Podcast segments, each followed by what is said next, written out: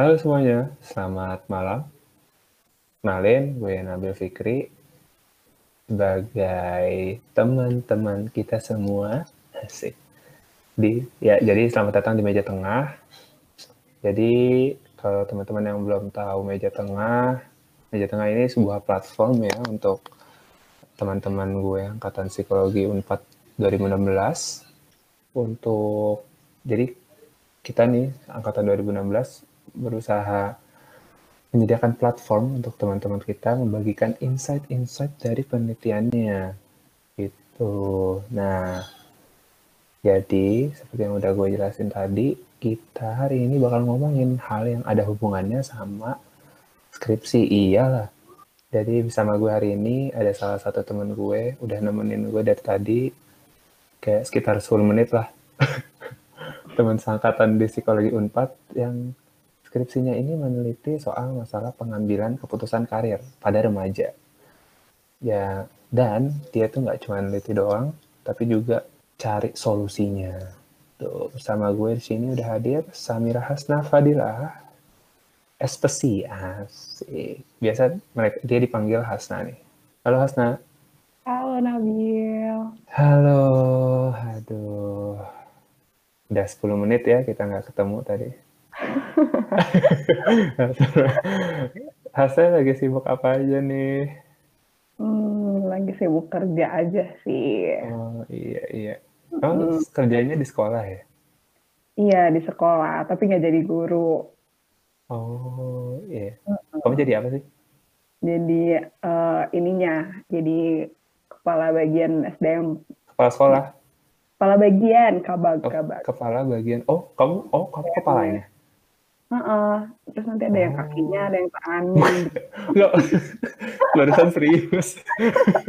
uh, uh, maksudnya pimpinan si bagian itu? Iya, tapi nggak ada bawahannya juga sih sebenarnya. Bawahannya langsung karyawan gitu. Karena kan gue kabag SDM-nya gitu. Oh, iya iya iya. Oke, wah senang. tambah senang nih gue bisa ngobrol sama lu. Walaupun gak tatap muka. Iya. Yeah. Soalnya kalau lagi ngobrol sama Hasna nih, entah kenapa gue inget kawah putih gitu. indah banget ya kawah putih ya. Gak tahu kenapa. Tadi sih kepikiran tangkuban perahu, sumpah dah. Hmm. Gak tahu kenapa gitu. Oke, okay, oke, okay, oke. Okay. Oke, agak jauh ya. Uh-uh. Jadi teman-teman, Hasna ini penelitiannya itu judulnya lumayan panjang. Hasna uh-huh. ingat nggak judulnya? Ingat dong. Ingat lah. Apa tuh Has? Judulnya hubungan persepsi dukungan sosial dengan kesulitan pengambilan keputusan karir siswa SMPN kelas 9 daerah rural gitu. Oke, itu dia dibimbing oleh Mas Wisnu Yudiana. Mas Wisnu, oke. Jadi teman-teman yang belum tahu Mas Wisnu, uh, beliau ini salah satu dosen di Fakultas Universitas Pajajaran dan dia itu kalau dulu sih ngajarnya statistik sama kognitif. Kan tuh kayaknya dia ahli di semua bidang gitu. Nggak tahu iya. sih. Iya nggak sih? kayak kayak otaknya encer banget gitu iya otaknya encer Keren. makanya dia jadi dosen kalau saya jadi dosen bingung juga saya ngajar oke oke langsung aja lah ya kita mana bertanya-tanya nih Aduh, jadi karena tadi judulnya itu tentang pemilihan karir, kayaknya karir, karir decision making lah ya. Hmm. Itu jadi itu lumayan, uh, gue tuh lumayan familiar gitu tentang permasalahan pemilihan karir ini. Hmm. Apalagi untuk teman-teman yang baru lulus kuliah gitu kan. Hmm. Karir tuh kayak hal yang lagi booming banget lah gitu bagi yang baru kuliah. Cuman dan deskripsi pun juga dengar deng bukan dengar dengar sih ya kayak sering aja gitu dengar teman ngomongin ada penelitian tentang decision making, career decision making.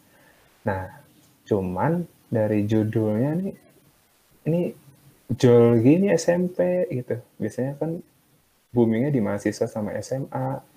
Apa sih yang latar belakangi Hasna ini buat meneliti ke SMP gitu? Hmm. Dan career decision making di SMP. Oke. Sebenarnya kenapa gue milih SMP? Sebenarnya kalau lo ingat gak sih Del, kayak dulu tuh kita angkatan pertama yang uh, diharuskan untuk memilih jurusan IPA atau IPS pada saat kelas 1 SMA. Jadi kan tahun-tahun sebelumnya tuh kayak di dua SMA hmm, hmm, hmm. kan. Nah, angkatan kayak angkatan pertama yang harus memilih di kelas 1 SMA, bener gak? Ada. Iya, baru tahu tuh. Maksudnya uh -uh. kayak baru masuk, terus kayak, hah, harus milih gitu. Nah, benar. Nah, itu tuh sebenarnya memori yang bikin gue jadi kayak teringat kembali waktu gue ngerjain skripsi ini ya. Jadi kayak gue mikir, oh iya ya, ternyata tuh pengambilan keputusan karir tuh nggak cuma di SMA loh, tapi ternyata pada saat gue SMP kelas 9 dan gue dituntut untuk memilih IPA IPS pada saat itu, itu juga sebenarnya sebagai salah satu keputusan karir gue gitu. Karena itu yang menentukan gue untuk nanti ngambil jurusan apa. Karena kan lo misalnya hmm. dari IPA, nggak bisa lo misalnya ambil IPS nggak semua jurusan IPS menerima lo dari IPA gitu dan nggak semua misalnya jurusan IPA menerima lo dari IPS gitu jadi uh, uh, uh. ternyata itu jadi langkah pertama langkah besar loh pada saat itu tuh langkah pertama yang besar yang sebenarnya menentukan kita nantinya gitu pada saat kita memilih karir di SMA ke kuliah gitu. Nah, dan sekarang juga ini ya, anak-anak SMP tuh yang kelas 9 langsung milih IPA atau IPS ke SMA-nya. Mm -hmm. Gitu dan sebenarnya nggak cuma IPA IPS, Bill kayak lu milih SMA atau SMK juga sebenarnya itu jenjang karir lo. Terus misalnya mm. lo ngambil SMA, SMK atau misalnya pesantren juga itu jenjang karir lo. Bahkan lo nggak mm. milih SMA, SMK dan MAN juga, misalnya lo memilih untuk menikah juga itu sebenarnya jenjang karir lo gitu. Jadi itu tuh udah jadi pilihan pada bahkan pada saat lo kelas 9 gitu. Mm-hmm. Itu salah satu fenomena yang gue lihat langsung gitu kan. Oh. Hal lainnya mungkin yang jadi gue kayak tarik sebenarnya itu apa ya yang terjadi pada saat itu gitu. Dan ternyata ya itu gitu. Kita kan dikasih tugas atau maksudnya kita diminta untuk mengambil keputusan karir pada saat itu gitu kan. Misalnya ya spesifiknya misalnya IPA atau IPS.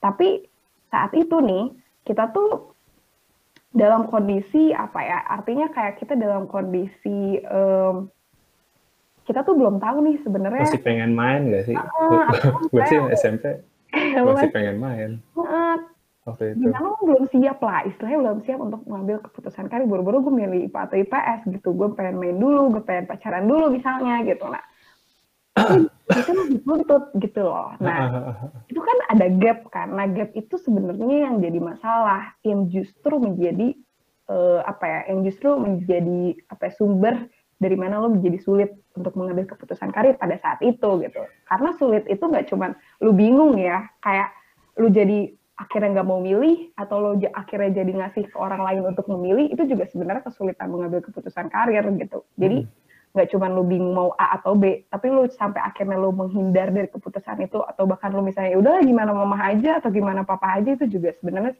kesulitan mengambil keputusan karir sebenarnya gitu. Hmm.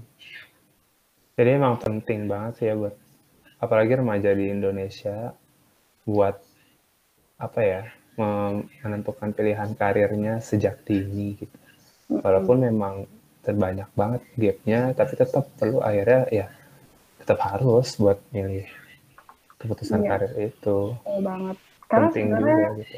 juga sih Bill kayak lu uh, apa ya bisa merencanakan karir sejak dini itu semakin dini nih lu mm -hmm. bisa semakin matang gitu karir lo. Kenapa? Karena misalnya gini, orang masih bingung nih mau A atau B. Lu udah tahu nih lu mau B.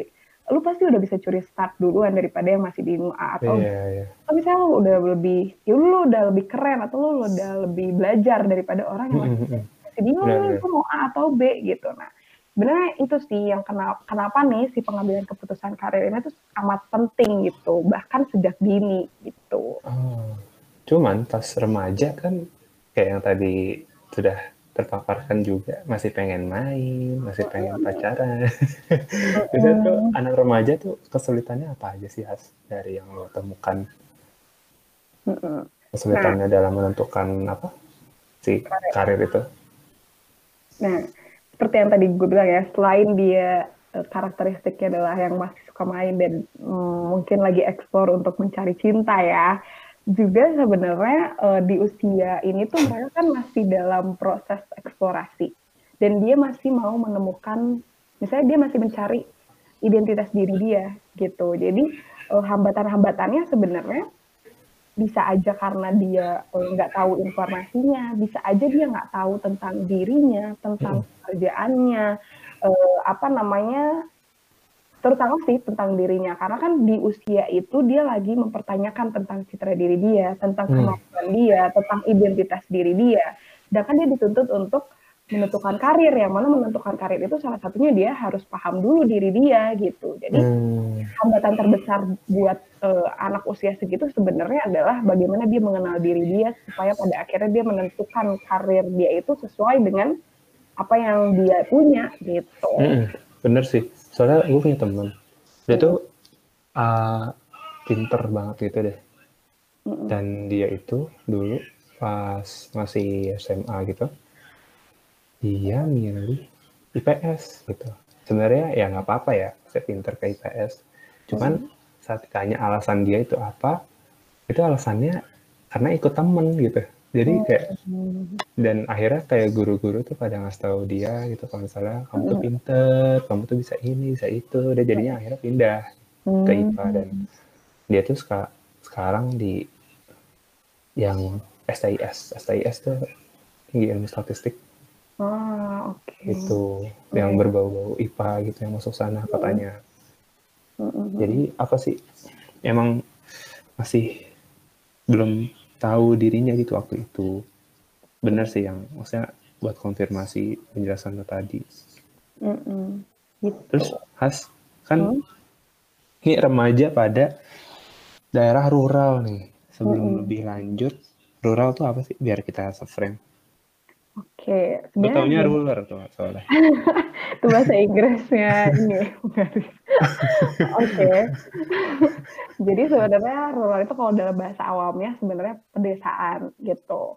Nah, Oh, desa. eh, apa namanya cuman eh, rural itu kenapa gue ngambil rural jadi rural tuh kayak ada standarisasinya oh maksudnya suatu daerah dikatakan rural tuh ada standarnya gitu loh Nah, standarnya tuh kayak eh, apa kepadatan penduduknya kurang dari 5.000 orang per kilometer persegi atau terus sama lebih dari 25% penduduk itu bekerja di sektor pertanian which is berarti di daerah itu banyak per- banyak lahan pertanian juga gitu nah terus memiliki kurang dari 8 jenis fasilitas umum seperti sekolah, pusat perbelanjaan, hotel, bioskop, rumah sakit, yang kayak gitu-gitu. Nah, Hmm, jadi- jadi ada standarnya. hmm, standar ini sebenarnya ada yang lebih spesifiknya sih, cuman eh, umumnya itu tuh tiga tiga hal yang ini. Tadi. Gitu. Mm-mm.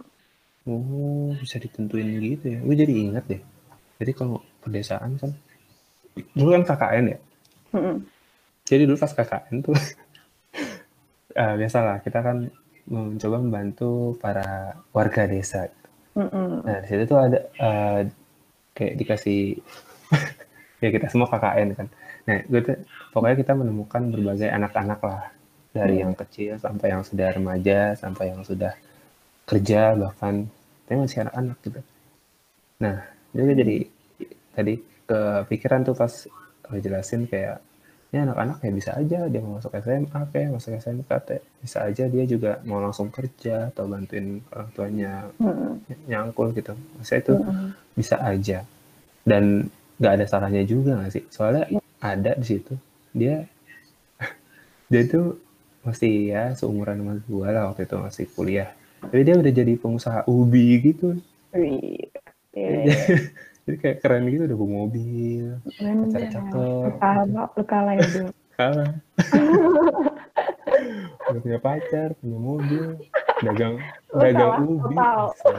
Total. total total jadi berarti maksudnya tapi juga kalau nggak salah gue pernah dengar juga di Jatinangor tuh pernah ada teman-teman gue ke desa-desa gitu ke sekolah-sekolahnya mereka nemu suatu hal menarik di mana si anak-anak itu tuh yang masih kecil ditanya tuh cita-citanya menjadi apa? Ntar gede. Mereka jawab mau jadi anak geng motor. Bridges bridges gitu. Gue lupa deh. Gitu ya. iya jadi bisa jadi pilihan mereka tuh tepat kayak yang di KKN gitu ya. Dagang ubi dan sukses lah gitu. Mm-mm. bisa jadi juga pilihan mereka. Kayak yang gue temuin sih kayak nggak jelas gitu loh jadi anak geng motor gitu jadi Dilan gitu iya sih.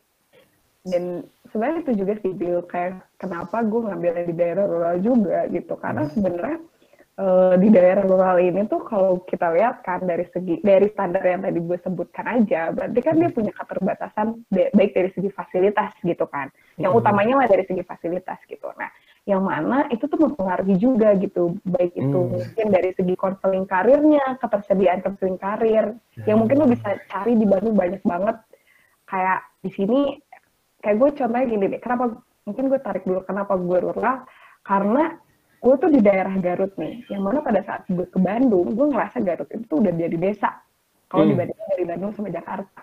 Nah, bahkan padahal nih mungkin orang yang gue ambil data ini gitu ya, dia kalau ke kota gue, bukan ke kota gue deh, misalnya dia dari desa ke sekolah gue, dia pasti mikir dia juga orang desa gitu. Nah, uh, hmm. apa namanya keterbatasan itu, karena maksudnya Garut itu gak ada bioskop dulu ya waktu gue SMA tuh gak ada bioskop, gak ada toko buku wow. yang gede gitu kan. Terus kayak bahkan lo kalau lihat di Garut gak ada pelang uh, buka um, bukan buka deh, ya maksudnya praktek psikologi atau kayak konseling karir itu tuh susah banget untuk lo cari. Kalaupun oh. lo mau, lo harus keluar Garut dan lo harus bayar mahal gitu. Yang mana hmm. mereka yang di daerah rural, ya jalankan lo keluar kota untuk mengambil konseling karir gitu. Bahkan lo untuk mau lanjut sekolah atau enggak lo masih mempertanyakan itu gitu loh. Dan hmm. di daerah rural ini juga nih, entah itu dengan keterbatasan fasilitas, juga pengetahuan dari orang tuanya. Maksudnya uh, banyak gitu orang tuanya yang mungkin lulusan SD, SMP, uh, dari data gue juga banyak yang lulusannya tuh SD bahkan SD pun enggak gitu misalnya. Nah, hmm. kan sebenarnya hal-hal yang mungkin informasi yang orang tuanya tahu itu tuh mempengaruhi karir punya karir uh, dari si anaknya juga gitu. Mm -hmm. Makanya kenapa gue ngambil si rural ini, uh, ketika dia terbatas nih akan fasilitasnya gitu, berarti satu-satunya cara untuk dia mencari informasi berkaitan dengan karir dia adalah lingkungan dia, entah itu orang tuanya, entah itu teman dekatnya, entah itu gurunya gitu. Walaupun hmm. bisa orang tuanya masih punya pendidikan yang rendah pun, orang tua ini masih jadi sumber informasi juga karena yang menentukan dia lanjut sekolah atau enggak juga kan sebenarnya orang tuanya juga gitu loh dia. Hmm. Berarti dari support orang tuanya gitu ya banyak mempengaruhi. Iya kan dia masih SMP juga sih. Hmm. Jadi kalau gue bisa simpulin nih dari yang tadi lo jelasin, si remaja daerah rural ini tuh kayak hambatannya tuh combo gitu ya. Udah hmm. mah ngambil keputusan karir di usia remaja tuh rebek gitu karena banyak apa internal internal juga kayak belum terlalu tahu diri mm. belum terlalu mengerti kemampuan diri juga ditambah juga daerah rural tuh dibilang fasilitasnya tuh terbatas gitu mm. karena dari akses informasi informasi yang dimiliki orang sekitar juga informasi yang ada itu mm. tentang pilihan pekerjaan juga sedikit dan jadi jadi karena meneliti ini juga gue pengen nanya teori apa aja sih yang bisa bantu seseorang dalam membuat keputusan karir. Maksudnya kayak apa aja gitu kira-kira. Hmm. Sebenarnya gue kalau ditanya gitu sebenarnya banyak banget dan itu tergantung orangnya ya. Cuman mm -hmm. kalau di uh, skripsi gue kan gue ngambilnya teorinya itu teori uh, apa kesulitan pengambilan keputusan karir dari Gati kan, yang mana dia itu dikatakan sulit ketika dia lack of information, lack of readiness, sama inconsistent information gitu. Nah, uh, jadi kalau, kalau misalnya lo tanya apa aja yang bisa bantu, mungkin itu jadi dibalik gitu ya. Ketika misalnya dia punya informasi. Informasi ini tuh banyak banget. Informasi hmm. berkaitan dengan cara mengambil keputusannya, informasi mengenai dirinya, informasi mengenai pekerjaannya, dan juga cara mendapatkan informasi itu. Baik yang tadi ya, lu bisa cari counseling atau apa gitu. Nah, terus kalau lack of readiness ini lebih ke uh, kesiapan.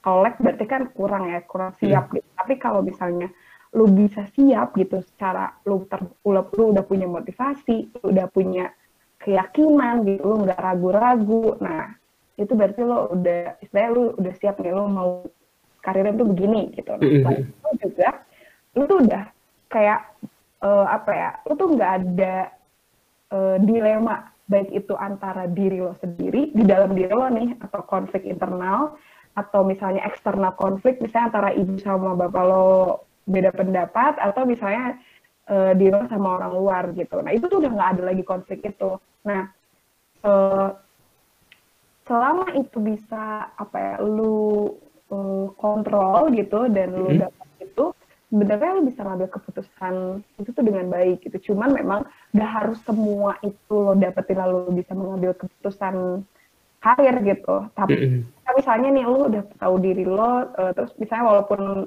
ibu sama bapak lo menjadi konflik, tapi itu nggak jadi masalah, sebenarnya itu bisa jadi nggak sulit juga gitu. Mm -hmm. itu nggak mempengaruhi diri lo ya. Kalau itu tidak mm -hmm. mempengaruhi diri lo ya berarti lo masih sulit gitu. Mm -hmm. Iya, iya. Lalu berarti si dukungan karir ini, eh dukungan karir, keputusan karir ini uh-huh. Dipengaruhi tiga jenis tadi itu informasi, konflik yang ditimbulkan sosial sama satu lagi tadi uh, apa? Kesiapan. Kesiapan iya. diri. Nah terus hubungannya nih kan karena penelitiannya juga ada bahas-bahas sosial support juga nih, uh-huh. persepsi sosial support Lalu apa sih dari ketiga hal itu kan tadi nggak harus semua ya. Dan kenapa harus uh, jadinya harusnya ngambil si persepsi dukungan sosial. Mm, Oke. Okay. Soalnya kebayangnya gue mm. kayak si dukungan sosial tuh dari yang si konflik itu kan muncul ya. Mm. Bayangannya gitu. Oke. Okay.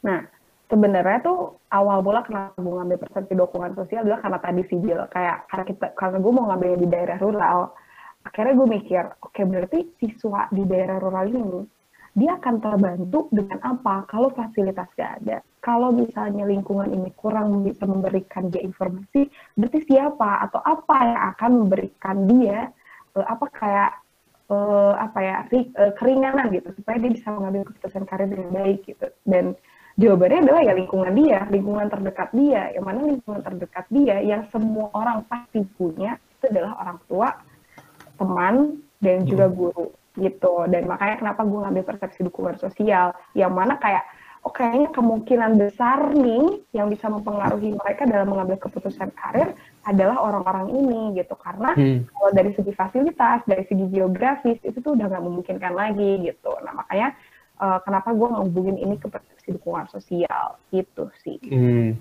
tuh dukungan sosial tuh yang maksudnya kayak gimana sih kayak dari dia dukung kayak ayo ayo ayo. Ayo. Ayo ayo ayo, ayo kamu saya dukung. Eh maksudnya bentuknya gimana sih? Apa hmm. ngasih sticky notes atau ngasih flexi gitu gitu Oke, kalau dukungan persepsi dukungan sosial itu kan sebenarnya ada persepsi dukungan sosial ada dukungan sosial ya. Kalau cari-cari deskripsi orang-orang kayak ada cuman yang nyentuhin dukungan sosial doang ada yang nyentuhin persepsi dukungan sosial. Nah kenapa gue ngambil persepsi dukungan sosial? Karena uh, Hah, apa ya, itu ya, beda jadi sebenarnya sama cuman dalam lu mengukur dukungan sosial lu tuh uh, apa ya penilaian yang paling tepat kalau menurut beberapa uh, ahli gitu dibilangnya persepsinya jadi lu mau kalau mau lu lihat kalau lu mau nilai dukungan sosial, lu pasti harus nanya persepsi orang yang dapat dukungan itu, gitu loh. Makanya kenapa gue oh, bukan bentuknya ya. ya. Karena dukungan sosial tuh lu nggak bisa, misalnya lu nilainya kayak gimana? Kalau lu cuma nyari dukungan sosial gitu. Tapi kan hmm. kalau lu melihat persepsi, lu mengukur dari orang yang dapat dukungan itu, gitu loh. Nah makanya gue hmm, ngambil. Yeah, yeah, yeah. Nah dukungan yang bentuknya apa? Itu tuh gue ngambil dari uh, si teorinya si Tardi uh, terus dikembangin lagi jadi suatu apa namanya alat ukur yang baru dan itu tuh ada empat uh, dukungan uh, bentuknya ada emosi, okay. instrumental, informasional dan appraisal. Emosi ya Pak dari segi emosionalnya, kalau uh, instrumental tuh dari segi barang kayak misalnya dia ngasih uang atau apa gitu. Nah, kalau apa namanya? Kalau kalau informasi berarti ya berkaitan dengan informasinya. Kalau misalnya uh, appraisal itu lebih ke kayak pujian kayak gitu-gitu. Gitu hmm. sih. Nah, itu buat bentuk dukungannya tuh kayak gitu-gitu. Hmm, jadi ada banyak ya maksudnya nggak gue kira kayak cuman dukungan sosial tuh lebih ke materi sama ini aja sih kayak motivasi gue kira dua itu doang gitu awalnya Iya. Dan tadi siapa namanya si Tardi? Namanya Tardi. Loh, namanya Tardi atau si Tardi? Namanya Tardi. Oh, jadi lu ngomong si Tardi itu maksudnya untuk uh, maksudnya si uh, Ya, si si Tardi. Kirim Oh. ke oh si Tardi. Eh, Iya, Tardi. gitu. Oke, oke. Nah, berarti kan si ada empat dukungan sosial ini nih. Mm. Nah, itu dari yang lu kaji di deskripsi lo, hubungannya dia sama si career decision making itu ada di mananya gitu dari teorinya. Kan soalnya tadi kalau dari apa? Dari situasinya di Garut sendiri di daerah lo, daerah rural atau mungkin daerah rural lainnya itu hubungannya adalah kenapa harus dukungan sosial yang dicari hubungannya? Kan karena ya dari fasilitas sama dari fasilitas saja udah tidak memungkinkan gitu. Makanya dicari dari dukungan sosial. Cuma kalau dari teorinya mereka apa sih kayak hubungannya tuh dari mananya gitu? Akhirnya mereka bisa bertemu. Oke. Nah, mungkin eh, ya lebih ke dinamika dari si persepsi dukungan sosial ini ke si kesulitan pengambilan keputusan karir gitu ya. Maksudnya kayak bersatunya tuh di mana gitu kan. Nah, Mm-mm. eh, kalau sebenarnya kan karena gue spesifiknya gue ambil empat ya, empat peran itu eh, orang tua, guru, dan teman ini gue bagi dua jadi teman sekelas dan teman dekat.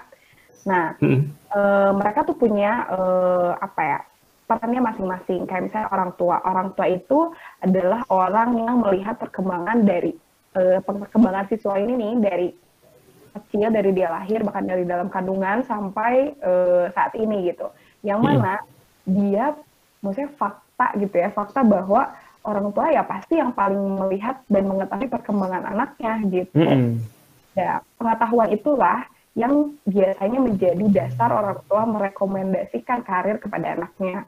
Nah, Hmm. terus misalnya eh, salah sa- eh, hal lainnya adalah eh, udah tumbuh saling percaya di antara anak dan orang tua gitu. Nah, saling percaya ini yang kadang juga jadinya eh, misalnya orang tuh udah misalnya bilang, ah anak tuh bisa ngikut gitu, karena ya itu udah ada keterikatan antara orang tua dan eh, anak itu gitu. Apalagi masih anak kelas 9, yang mana karakteristik anak SMP itu salah satunya juga adalah dia tuh sedang menuju kemandirian tapi dia belum lepas dari orang tua. Jadi pengaruh teman itu besar tapi juga pengaruh orang tua tuh masih belum bisa ditinggalkan. Beda ya kalau SMA. SMA kan udah kadang tuh udah lepas banget dari orang tua Mm-mm. kadang gitu kan. Nah, Kalau. SMA tuh masih dia beranjak ke kemandirian untuk dirinya sendiri makanya banyaknya pengaruhnya dari teman dan orang tua tapi orang tua tuh masih belum bisa ditinggalkan gitu nah itu tuh di- dari segi orang tua kalau dari segi teman itu tuh karena mereka punya tantangan yang sama dalam keadaan yang sama sehingga mereka biasanya saling tukar informasi saling tukar feed- feedback kayak Mm-mm. SMA ini tuh lebih bagus tahu, eh sekolah ini tuh lebih bagus tahu. Nah, biasanya itu juga jadi menentukan kayak keterikatan antara eh kayak karena teman gue masuk situ, gue harus masuk situ. Sama kayak Ah. kejadiannya kayak teman Iya. lo tadi. Iya, karena iya. lo masuk IPS, eh temannya masuk IPS, dia jadi pengen ke IPS gitu. Oh. Jadi dia nggak punya, dia nggak punya prinsip, dia tuh karirnya mau ke mana gitu. Nah Hmm. terus eh, apa namanya? Kenapa gue bedain teman dekat dan teman kelas? Karena akan beda secara frekuensi dan secara value. Kayak gue bedain, bedain teman sekelas dan teman dekat. Karena beda, beda juga ya bisa aja dia teman dekat bukan teman sekelas gitu loh. Makanya gue bedain. Terus kalau guru itu lebih kepada eh, apa namanya menun, menun- apa ya memunculkan self efficacy. Kayak self efficacy. Hmm. eh, Apa dan eh, lebih ke karena dia kan maksudnya dia lebih percaya diri ketika misalnya gurunya bilang eh kamu tuh pinter loh eh kamu tuh bagus kayak tadi eh, dari dari kasus temen lo aja temen lo tuh udah maksudnya dia dipengaruhinya oleh temen dia dan lalu kemudian dia dipengaruhi oleh gurunya Guru. Nah, makanya Oh. eh, apa namanya eh, guru juga bisa memberikan kayak sebenarnya guru tuh positif dan bisa memberikan optimisme karir ke anak gitu loh karena kayak oh guru gue bilang gue pintar berarti gue bisa nih ke sini gitu loh Wah, nah iya sih, benar sih, benar. eh, hubungannya dari segi guru gitu sih Ah, ah, kalau ah. gue jabarin per perannya ya gitu Ah, ah, ah, ah. Iya, omong-omongan guru tadi, gue tuh pernah tuh di kayak di ajak ngobrol gitu lah sama guru BK gitu kan. Mm-mm. Karena gue dulu lumayan baik gitu kan orangnya, sangat alim lah gitu. Oke. Itu dulu ya. panutan sekolah gitu. panutan sekolah lah gitu. Sih itu gue. persepsi gua sih. Oke. Temen gue bilang beda. Nah, jadi tuh dia sempat nyaranin gitu kalau misalnya buat eh, ini kayak nyaranin gue buat masuk ke suatu jurusan gitu. Hmm. Nah, sebelumnya, sebelum jadi itu jadi tuh gue kan dulu SMA masih belum tahu apa-apa ya tentang perkuliahan. Jadi gue belum mikirin tuh sama sekali Hmm. sampai kelas 3. Cuman pas kelas 3 tuh gue awalnya di kayak teman gue tuh jelasin tuh tentang psikologi. Habis jelasin tentang psikologi, gue tuh jadi tertarik tuh. Nah tadi kan kayak teman eh, tadi yang lu bilang tuh teman dekat Hmm. bisa mempengaruhi juga gitu. Hmm. Dan di SMA juga kan gue. Nah terus habis itu guru gue, si guru BK ini juga ngomong kayak gitu. Jadi kayak apa ya, gue makin seneng gitu loh. Hmm. Kayak guru gue tuh udah kayak dukung banget gitu. Hmm. Jadi gue kayak kuat gitu dengan Iya. karirnya. Yap. Tuh seneng banget sih pas dibilang kayak gitu. Yap. Kayak Dan akan, enak gitu. dan akan muncul, misalnya kan tadi lack of readiness lo tuh jadi kayak yang nggak akan lag gitu. Lo jadi Ah, ready jadi gitu. kayak siap lah. Ah, Yakin gitu. ah, ah, gitu kan. Tapi yang gue jadi siswa terbaik itu lupakan aja lah ya. Tapi BTW gue gak denger gitu loh, kayak gue langsung hapus di memori gue gitu. Gue udah ngomong juga, kayak gue udah lupa gitu. Nah, tuh nih Has. Jadi sebenarnya guru gue tuh cuma ngomong sekali kan ya. Mm-mm. Tapi tuh gue kayak wah banget gitu kan. Mm-mm. Gue jadi mikir berarti si apa ya persepsi di sini itu ber- berhubungan sama frekuensi nggak sih? Atau kayak ya kayak guru gue aja gitu cuma ngomong sekali. Terus gue kayak langsung bisa gitu. Terus kalau gue ngerasainnya sih waktu itu guru gue cuma ngomong sekali gitu. Kan gue emang kayak guru gue sering nyapa gue gitu. Eh nggak maksudnya gue sering nyapa guru gue hanya biar banget. Oke. jadi Um, apakah ya apakah keseringan atau ya pokoknya itu yang pengen gue tahu sih kayak kok bisa sekali doang gitu Oke. Nah, sebenarnya itu juga sih, Bill. Kayak sebenarnya gue mau share kayak kejujuran gue dalam pembuatan skripsi ini ya. Maksudnya kayak awalnya tuh gue hanya mau melihat dari segi frekuensi. Karena gue nggak melihat si value ini tuh penting gitu. Karena memang banyak skripsi atau penelitian yang memang sudah meneliti si frekuensi ini gitu. Hmm. Tapi ternyata value inilah yang menolong gue gitu. Karena ternyata hasilnya si frekuensi ini tuh nggak berhubungan gitu. Ada sih yang berhubungan tapi justru berbalik gitu oh tuh frekuensi sama value itu apa sih maksudnya Nah. gue gue ngerti lah cuman Mhm. eh gue nggak nggak terlalu ngerti juga sih sebenarnya jadi value Iya. Jadi eh, persepsi dukungan sosial yang gue pakai itu tuh dia eh, mengukurnya itu dua hal yang berbeda. Ada bentuknya eh, apa namanya? Ada bentuknya frekuensi atau lebih ke ketersediaan. Maksudnya ketersediaan dalam artian seringkah, adakah, tidakkah dan sebagainya. Itu lebih ke frekuensi. Sedangkan value itu lebih ke penilaian kita terhadap eh, si dukungan tersebut.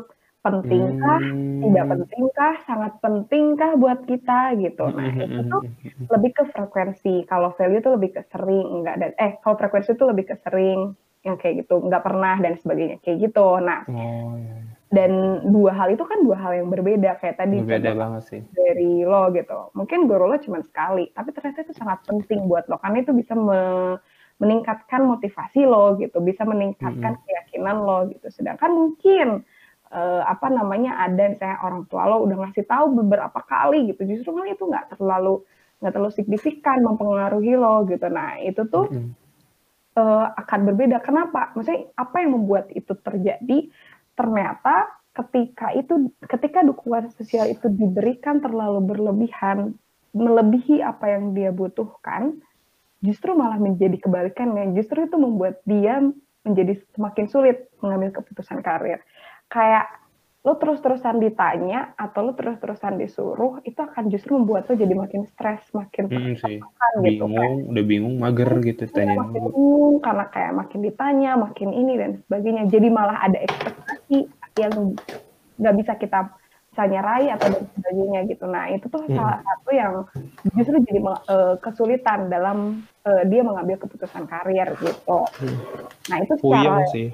Uh -uh, secara general kayak gitu sih. Jadi kayak ternyata ada dua hal yang berbeda. Nah itu yang jadi menarik dari penelitian gue karena gue ngebedain itu, gue ngebedain frekuensi dan value dan ternyata hasilnya berbeda gitu. Itu sih yang jadi menarik dari penelitian gue. Gitu. Wih, kalau hipotesis lo apa awalnya? Awalnya uh, ya itu sih berkaitan dengan adanya hubungan yang signifikan antara persepsi value dan frekuensi dukungan sosial orang tua, guru, teman sekelas, dan teman dekat dengan kesulitan pengambilan keputusan karir. Jadi secara keseluruhan gue mengasumsikan bahwa uh, akan ada hubungan gitu. Oh, jadi kayak semuanya tuh ya, semua jenis hmm, dukungan sosial frekuensi. Itu bakal ada hubungannya itu hipotesis lo ya. Hmm, gitu. Hmm, iya iya iya. Itu dan memang gua... gue sih belum nemu ya uh, penelitian yang ngebedain itu dalam satu penelitian utuh gitu ya. Gue nggak tahu kalau dibedain misalnya ada yang frekuensi doang. Mah udah banyak gue cari. Tapi kalau yang value doang kayaknya gue juga nggak pernah belum nemu kali ya kalau gue hmm. gitu Sebenarnya jadi bisa ngebandingin ya kayak ya nggak sih? Atau mm -hmm. enggak bisa dibandingin nggak sih kayak si frekuensi sama yeah. apa? Value itu bedanya gimana? Dan lo nemunya juga gitu juga kan? Maksudnya nemu gitu akhirnya perbedaan. Dan itu berbeda juga hasilnya di antara empat tren ini Bill jadi hasilnya justru oh. kayak uh, apa namanya persepsi value dukungan sosial orang tua dan guru itu tuh berkorelasi negatif dengan kesulitan pengambilan keputusan ah, karir. Sorry sorry apa apa? Uh, persepsi value. Persepsi value. Ya uh, itu tuh uh, apa korelasinya negatif, negatif. Uh, yang orang tua dan guru dengan kesulitan pengambilan keputusan karir. Jadi orang tua dan guru itu justru lebih ke value-nya hmm. yang Jadi kalau jadi jadi kalau oh. orang tua sama guru ngasih mas, apa kayak dukungan gitu, mm-hmm. si apa si kesulitan ini menurun ya? Eh bukan menurun apa ya? Rendah gitu ya? Mm-hmm. Jadi nggak gitu. sulit nggak sih? Iya gitu. Ah, iya, iya. Kalau itu tuh dianggap penting kayak tadi yang lu rasain langsung ya, yang dari hmm, yeah, yeah, gitu loh. Nah sedangkan kalau skala frekuensi dukungan sosial teman sekelas dan teman dekat itu tuh berkorelasi positif. Jadi justru yang uh, apa namanya ketika lo terlalu banyak dukungan dari teman sekelas dan teman hmm. dekat lo, justru itu jadi bikin lo bingung, uh, pusing, iya uh, semakin sulit gitu. Entah mungkin ya bisa aja sih sebenarnya lo merasa bahwa teman-teman lo fake atau misalnya lo merasa bahwa teman-teman lo tuh justru saingan lo gitu. Ah, oke okay, oke. Okay. Karena emang lagi buat waktu itu adalah waktu untuk memilih. Iya. Dan semua gitu. orang milih gitu ya. Mm, dan teman-teman yeah. lo adalah saingan lo gitu loh. Ah, nah, saat itu gitu sih mikirnya sih. Mm-mm, gitu dan semakin sering siswa mendapat dukungan sosial, semakin sulit dalam membuat keputusan. Nah, sebaliknya jika siswa memiliki value yang lebih tinggi untuk dukungan sosialnya, semakin rendah kesulitan pengambilan keputusan karir ya tadi gue bilang gitu. Mm. Ternyata oh, gue, value itu beda gitu loh. Gue ingat banget sih soalnya kayak pas SMA sih, SMP tuh. Jadi kok pas SMA, gue tuh ngerasa emang susah buat nentuin karir gitu kan. Soalnya ya gue baru mikirin kelas 3 gitu saat orang-orang pada mikirin gitu kan dan saat hmm. itu tuh vibe-nya vibe vibe pertarungan gitu aja kayak vibe vibe perang gitu Iya. Yeah. waktu milih-milih gitu ada yang nangis, kayak ada, ada yang mm. ada yang nggak mau ngalah gitulah. Mm. Soalnya waktu itu kan daftar SNM gitu kan bareng-bareng tuh satu sekolah. Diurutin tuh, ya, pokoknya orang-orang saling tahu gitulah siapa urutan berapa gitu dan kayak ada nilai yang beda dikit terus nggak mau ngalah gitu. Jadi kayak fight fight perang gitu waktu itu. Iya. Kayak pasif agresif gitu kayak uh -uh. gitu kan ya uh -uh. nah pas buat nemuin tadi tuh hasil tadi. Uh -uh. nah, nilainya gimana sih? Kayak metodenya gitu gue sebenarnya kagak terlalu paham banyak tentang metode ya yang gue tahu tuh kayak cuman deskriptif statistik deskriptif doang mau uji beda. ya, Para okay. dosen menangis mendengar ini.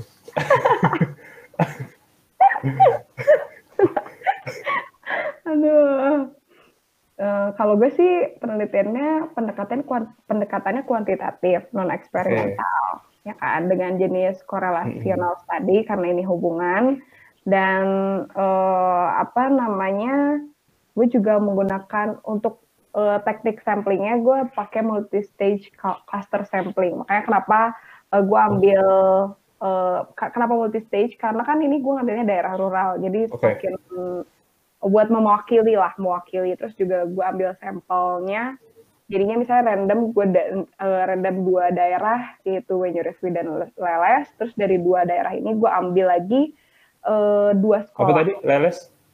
Leles dan Banyuresmi oh Banyuresmi sama uh-huh. Leles. Itu tuh yeah. tuh multi stage cluster sama yep. cluster itu bedanya apa sih kalau tau gue ya multi stage itu gue jadinya ngambilnya uh, kayak multi stage tuh jadi ada beberapa stage. Makanya kenapa gue ngambil dua daerah. Abis itu kan gue ngambil dua daerah nih. Nah, daerah oh, si Banyuresmi sama Leles. Terus gue ngambil lagi dari Banyuresmi dua sekolah dari Leles dua sekolah gitu.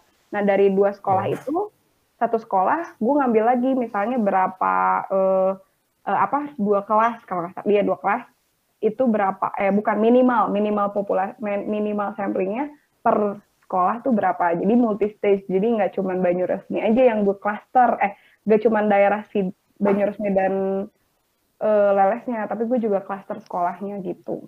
Oh Tau gitu ya kenapa gue ngambil multi stage jadi dia di clusternya berkali-kali gitu ya? Ya itu sepemahaman gue. Gitu. Hmm, berarti untung kayaknya sih untungnya berarti itu kayak apa sih probability ya. Apa maksudnya semua orang punya kesempatan yang sama nggak sih buat kita sama lo gitu? Pada dasarnya sampling harusnya kayak gitu harus kayak gitu kan? Uh, cuman mungkin gue metodenya lebih karena ini gue ngambil daerah rural dan supaya bisa mewakili itu kan uh, pilihannya adalah lu bisa cluster sampling gitu. Hmm. kan karena supaya biar lebih spesifik dan gue bisa tahu dapat uh, berapa minimal dan sebagainya dan bisa terarah gitu misalnya sekolah mana dan sebagainya makanya gue pakai multi stage cluster sampling gitu. Hmm. Nah karena lu mention Banyu Resmi sama Leles nih, hmm. gue karena gue taunya Jatinangor sama Cibiru itu maksudnya ini Banyu Resmi sama si Leles ini ada apa sih di sana gitu? Oh, nggak ada apa-apa sih sebenarnya. Ya biasaan gitu loh kayak maksudnya sawah gitu loh. Jadi maksudnya kalau lo ngelihat Garut itu sebagai pedesaan uh, Garut kotanya itu sebagai pedesaan justru uh, Resmi dan Leles itu lebih pedesaan lagi. Karena dia lebih ke dia bukan di kota Garutnya gitu loh. Kayak lo kalau di Bandung tuh lo bukan di uh, Pasternya lo bukan di Dagonya gitu. Lo tuh di Rancayakek gitu lah. Oh, ya. Jadi nama kan Sumedang ya. Kalau Rancayakek kan masih Kabupaten Bandung gitu loh. Oh, iya, iya, iya. gitu loh. Jadi lebih uh, lebih pedesaannya gitu loh. Ah, nah, uh, dan lebih banyaknya sawah gitu. Terus banyak juga yang lebih banyak petani gitu. Kalau Leles itu hmm. kalau ke Garut itu sebelum sebelum kota Garut lu pasti ngelewatin Leles dulu. Tapi kalau Banyuresmi itu lebih ke uh, rada dalamnya gitulah pokoknya hmm, gitu. Iya, iya. Nah, sebelum gue nanya lagi nih, gue sebenarnya kepo aja sih. Soalnya gue sering mendengar tukang cukur dari Garut gitu kan. Apakah si Banyu Resmi sama Leles ini salah satu penyumbang tukang oh. cukur tukang cukur yang brilian itu? Tahu gue iya sih. Uh, Banyu Resmi di Banyu Resmi itu bahkan ada perumahan yang isinya itu tuh kayak dibangun untuk komunitas uh, apa pangkas rambut askar. bukan, bukan. Oh jadi ya, oh, ya oke okay, oke. Okay. Jadi jadi jadi si kang si kang cukur itu yang jago-jago itu dari Banyu Resmi. Eh, Banyu Resmi. Gak sih, semuanya dari Banyu Resmi, cuma memang kebanyakan dari Banyu Resmi. Setahu gue ya. Ah, iya iya iya. Sama uh, Asgarnya langsung. Oke, okay. Iya. oke. Okay. Berarti ada di sana ya. Salah satunya gitu. Yeah. Nah, sekarang masuk ke inti ya. Jadi tadi kan lo udah sempat jelasin tuh hasilnya. Mm -mm. Kayak berarti si anak ini akan lebih me merasa aman atau tidak kesulitan dalam memilih karir saat guru dan orang tua yang memberikan saran? Hmm, Eh, saran, Mungkin- dukungan sosial. mungkin bukan sih, lebih ke kalau eh, apa namanya di em, di value-nya gitu ya. Jadi ternyata guru dan orang tua tuh lebih penting gitu, bukan lebih penting ya. Ketika itu jadi Oh. suatu value, it- ketika itu penting buat siswa, itu akan jadi lebih memudahkan dia dalam mengambil keputusan karir gitu. Mm-mm. Kalau teman dekat itu dari segi frekuensi ya. Ini gue eh, simpulin hasilnya secara secara umum ya, karena lebih detailnya lagi sebenarnya banyak gitu kayak eh, apa namanya hmm, siswa eh yang teman dekat itu dia paling tinggi nih eh, frekuensinya dan sebagainya yang kayak gitu-gitu. Cuman pada intinya kalau sis eh, apa ya bertolak belakang gitu antara orang tua dan guru sama teman dekat sama teman kelas gitu. Karena Hmm. ternyata kalau orang tua guru itu ternyata lebih pen- ketika itu penting buat siswa itu jadi mengurangi kesulitan dia. Tapi ketika itu eh, apa namanya terlalu sering dari teman dekat dan teman sekelas itu justru jadi hambatan dan jadi makin sulit dia mengambil keputusan karirnya. Iya. Oke. Berarti sama tadi tuh gue sempat baca nih Has. Hmm. Kayak di apa di jurnal tuh ternyata apa sih eh, penelitian ini menarik karena hal itu ya. Maksudnya emang kalau di penelitian-penelitian sebelumnya nggak begitu atau gimana sih? Mungkin- orang-orang tuh. Gue belum nemu aja kali ya yang dalam satu jurnal yang sama terus dia ngeba ngebedain dua hal itu gitu. Hmm, oke oke, tapi yang lu temuin aja deh. Yang udah lu temuin pasti ada kan? Yang gue temuin lebih ke frekuensi sih, lebih ke sering atau enggaknya gitu, bukan ke lebih value-nya gitu. Hmm. Nah yang meneliti value aja gitu. Kalau nggak salah sih, gue nggak eh, ada, cuman dia nggak spesifik peran-perannya. Jadi eh, banyaknya tuh kayak berdiri sendiri-sendiri gitu loh. Entah itu mungkin peran dukungan sosialnya hanya orang tua aja, atau hanya guru aja, atau hanya teman dekat aja, atau mungkin eh, si dukungan sosialnya cuma frekuensi aja. Kalau value doang gue belum nemu sih, jadi gue melihatnya baru yang frekuensi aja.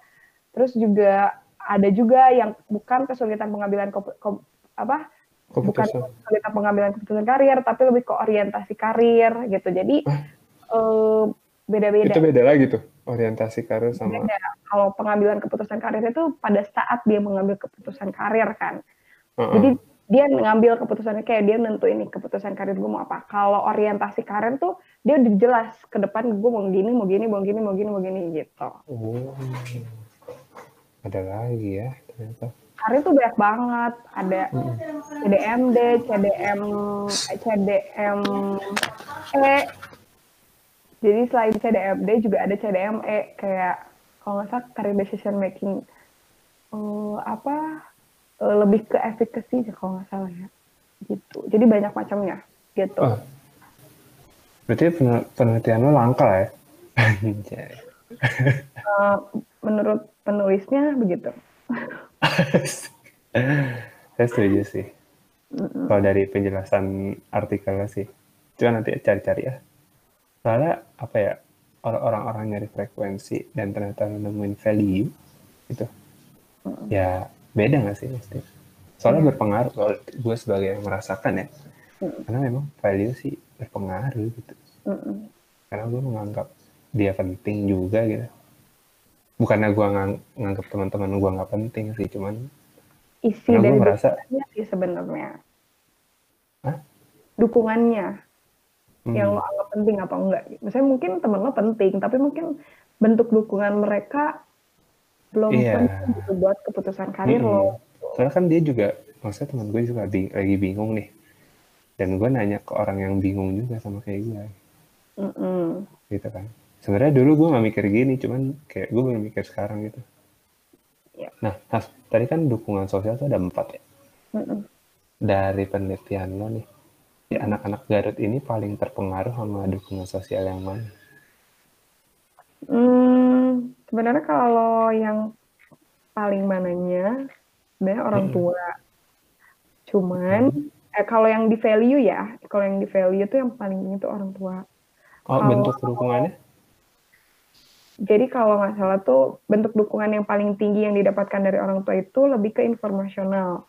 Oke. Sedangkan guru itu emosional, teman dekat itu justru instrumental, dan informasional itu lebih ke teman sekelas. Oh. Gitu. Iya, iya. Berarti dari guru emosional, orang tua informasional, instrumental itu dari teman dekat. Tuh, instrumental apa sih tadi? Sorry. Kayak barang gitu, kayak uang. Harus Oh. gue ngerti kenapa teman dekat tuh justru lebih ke instrumental. I don't know. Itu mungkin bisa dicari tahu lagi lebih lanjut ya sama penelitian. Ya, dan mungkin aja sih karena ada di daerah rural ya, karena mungkin Oh, orang tua nggak begitu memberikan eh, dukungan instrumental karena nggak ada mungkin. I don't know juga Hmm. gitu. Ya, ya, ya. Dan berarti yang sumbernya juga beda-beda ya. Orang tua, anak, eh anak, temen, temen dekat. Parah sih. Em, gue bisa di, wah ini gue jadi penilai gini. Tapi cuman gue rasa ya penelitian lo tuh menemukan hal baru lah untuk Garut terutama. Yap. Jadi kayak bermanfaat gitu, Ya, bermanfaat banget. Gue rasa sih bermanfaat banget buat semoga Garut. ya. Garut pride banget lah. Mantap. Jadi Has, sampai sini nih masih ada insight lain gak sih menurut lo yang perlu lo sampaikan dan belum gua gali kira-kira? Hmm, sebenarnya mm, nggak ada sih. Intinya sih kalau gue sih ngeliat dari penelitian gue tuh lebih ke bahwa ternyata sesuatu hal yang berlebihan itu ya tetap gak baik gitu. Bahkan itu mungkin tujuan mereka baik gitu untuk mendukung kita gitu untuk memberikan apa namanya eh, supaya kita eh, ringan gitu dalam mengambil keputusan karir gitu. Tapi ternyata buat orang yang sedang mengambil keputusan karir itu jadi justru jadi beban gitu. Itu justru jadi tekanan gitu ketika terlalu banyak dukungan sosial yang dia terima gitu. Apalagi kalau dukungan sosialnya itu tidak sesuai dengan kebutuhan dia gitu. Nah, makanya Hmm, tiap hal itu harus sesuai dengan porsinya gitu sih kalau Hmm. gue karena pada saat gue mengambil eh pada saat gue melihat hasil dari eh, penelitian gue gue mikirnya begitu sih. Dan mungkin eh, ini sih eh, gue mau men, apa ya menitik beratkan kenapa gue ngambil di rural pun ya tadi gitu.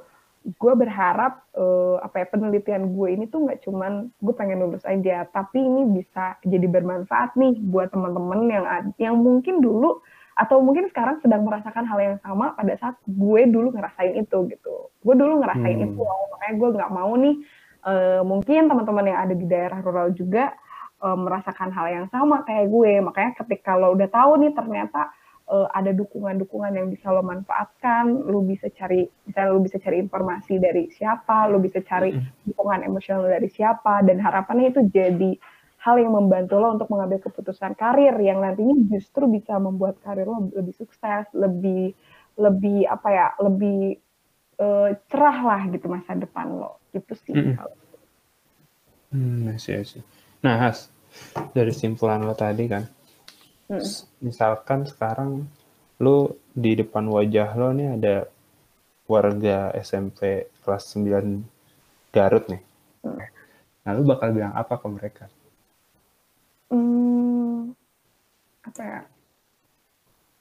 Jangan anggap sepele eh, setiap pilihan yang eh, apa namanya yang akan lo ambil gitu. Walaupun mungkin eh, mungkin gue akan lebih ke ngasih nasihat dan eh, sekarang gue juga lagi progres lagi bikin project juga sih supaya eh, bikin modul gitu berkaitan dengan pengambilan keputusan karir ini juga supaya lebih banyak lagi orang yang bisa eh, mungkin mengambil keputusan karir dengan baik gitu ya dan tidak Mm-mm. tidak kesulitan.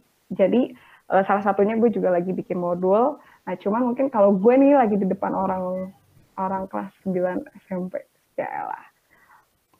Mungkin gue pengen bilang kayak eh, apa namanya?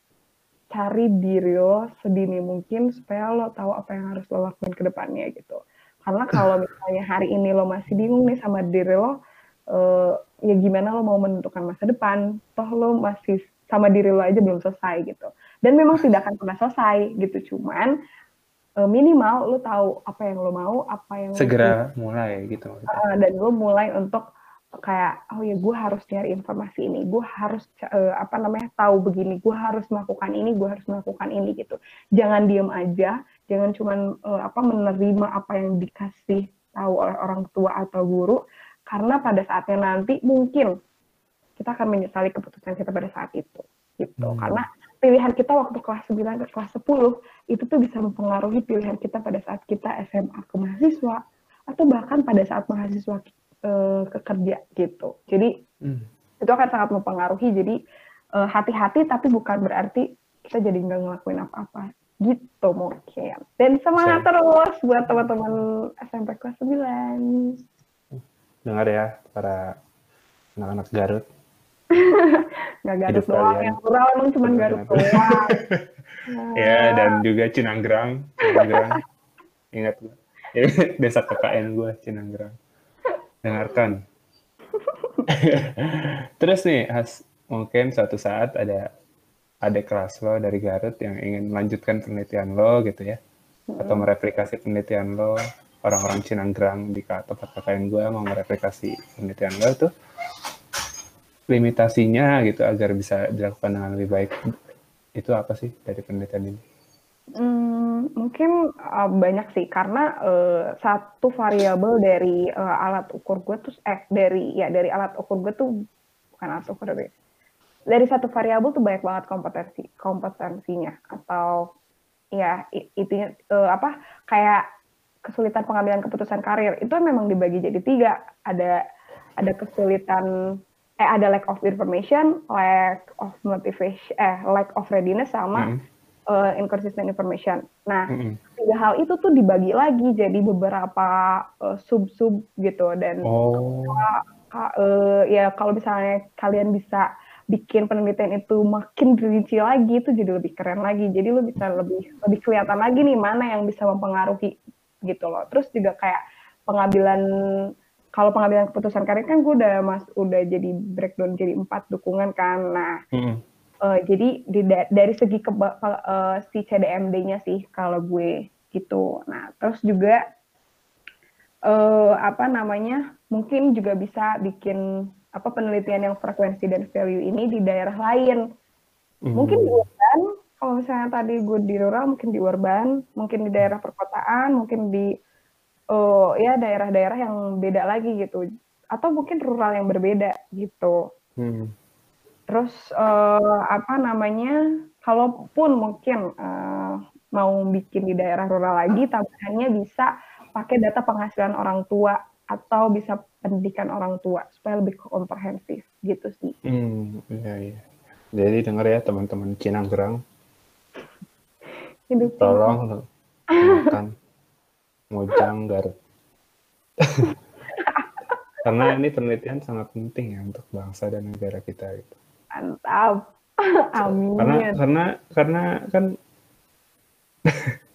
karena kan negara kita kan kolektif ya. Jadi dukungan sosial tuh kayak ya pasti terpapar banget gitu lah. Harus hati-hati. Okay. hati-hati, jadi harus tepat gitu. Bukannya banyak gitu.